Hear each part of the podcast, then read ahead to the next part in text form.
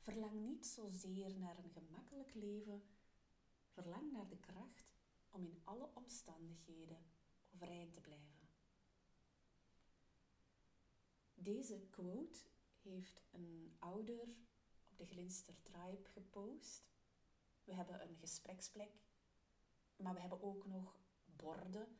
En het populairste bord is het quotebord. En daar delen ouders quotes die hen helpen, die hen moed geven, die hen kracht geven. Ze delen daarbij ook de betekenis van die quote.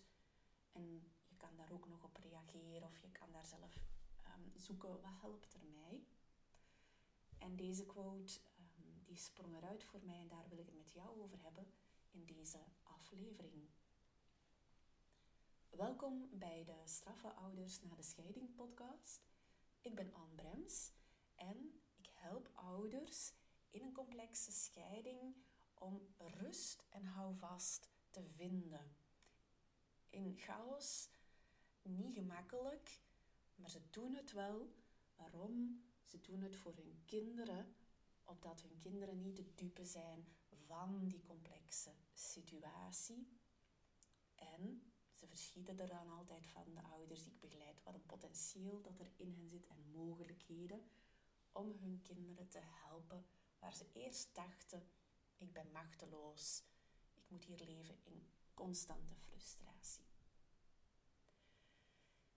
Ik doe dat met ouders in de Glinster Tribe. Um, dus dat is de plek um, waardoor de podcast ook mogelijk wordt, waar ik inspiratie uit haal, ideeën waar ik ouders ook leer kennen. Maar ik wil hier eventjes ook um, het uh, groepsprogramma in de kijker zetten. Dat is een therapeutisch traject, een kleine groep ouders, tussen de vier à zes ouders, waarin we dan in gesprek gaan met elkaar en waarin ik jou begeleid om de weg um, die je hier leest en hoort, om dit echt heel concreet te gaan toepassen voor jouw situatie. Um, en ik steun jou in dat leerproces. Als je daar uh, interesse in hebt, in dat groepstherapieprogramma, mail me even op info.glinster.co en dan stuur ik jou de informatie door. Dus verlang niet zozeer naar een gemakkelijk leven. We leven nogal in een wereld waarbij een gemakkelijk leven zo maakbaar lijkt. Doe maar je best. Hard genoeg je best doet, dan heb je gemakkelijk leven. En als je geen gemakkelijk leven hebt, dan is het omdat je moeilijk doet of omdat er iets met jou scheelt. Ah, ik, ik, ik, ik overdrijf nu heel erg, maar dat is wel wat dat er in de samenleving leeft, hier in het Westen, hier in ons land, in België ehm, en ook in Nederland. Alhoewel, ja, ik ben een Belg, dus ik ken de cultuur in Nederland al een beetje, maar niet zo helemaal. Maar het leeft alleszins in het Westen van het is maakbaar. En we verlangen dan nogal naar een gemakkelijk leven. Daar speelt ook de sociale media een rol in. Instagram, Facebook, alles wat goed gaat, wordt daar gepost. Mensen die op vakantie gaan. Allerlei dingen. En dan kan je nogal het gevoel geven van, oh, ik zou dat ook wel willen, zo gemakkelijk leven. En waarom gaat dat bij mij niet gemakkelijk? Dat zal wel aan mij liggen. Er scheelt iets met mij. En dat is zo jammer. Ja.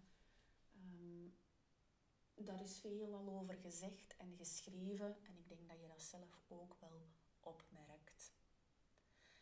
Maar het is ook zo in een complexe scheiding en ook in een scheiding sowieso. We denken van, oh, een scheiding, dat moet gemakkelijk gaan. Dat moet succesvol zijn. Dat moet goed gaan. Een scheiding is een dikke Dat is een rotzooi. Dat is niet leuk. Je kan niet gemakkelijk scheiden. Je kan niet succesvol scheiden.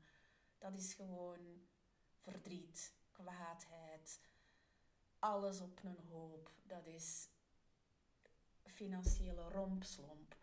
Dat is dingen gaan uitzoeken. Dat is dan gesprekken moeten gaan doen die je, die je niet wil doen. Dat is gewoon niet gemakkelijk. Dat is moeilijk. Dat is lastig. Dat is dikke ellende. En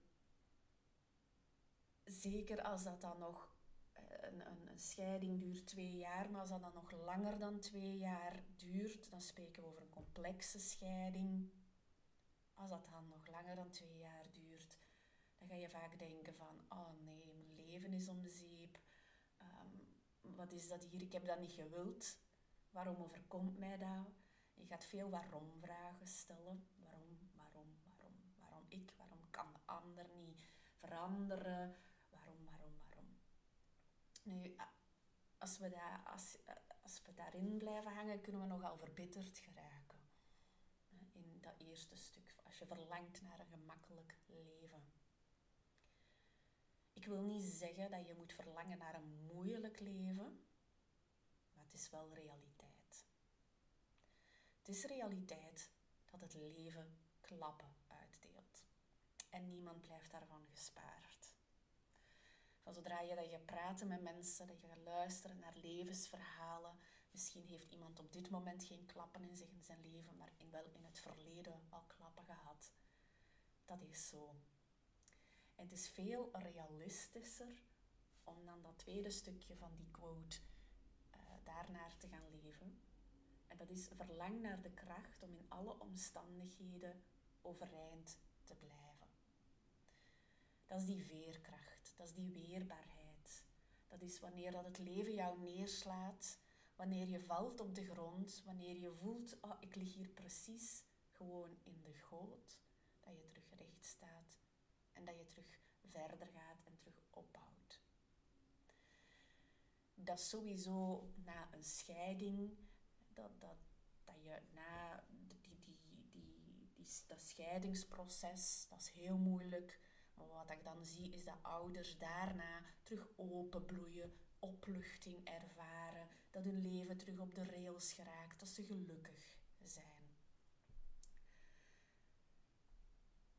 En dan in een complexe scheiding, de kracht om overeind te blijven, die is heel belangrijk.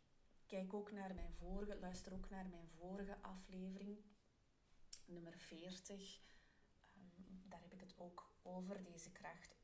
Van hoe blijf je nu overeind in zo'n complexe scheiding? En het zou niet mogen gebeuren dat zo'n dingen in het leven gebeuren. Die klappen die het leven uitdeelt, het zou niet mogen en toch gebeurt het. Dus ik wil de ouder die deze quote heeft gedeeld ehm, bedanken ook om deze te delen. Ik neem ze mee ook voor mezelf deze week en ik hoop dat jij er ook iets aan hebt gehad. De volgende.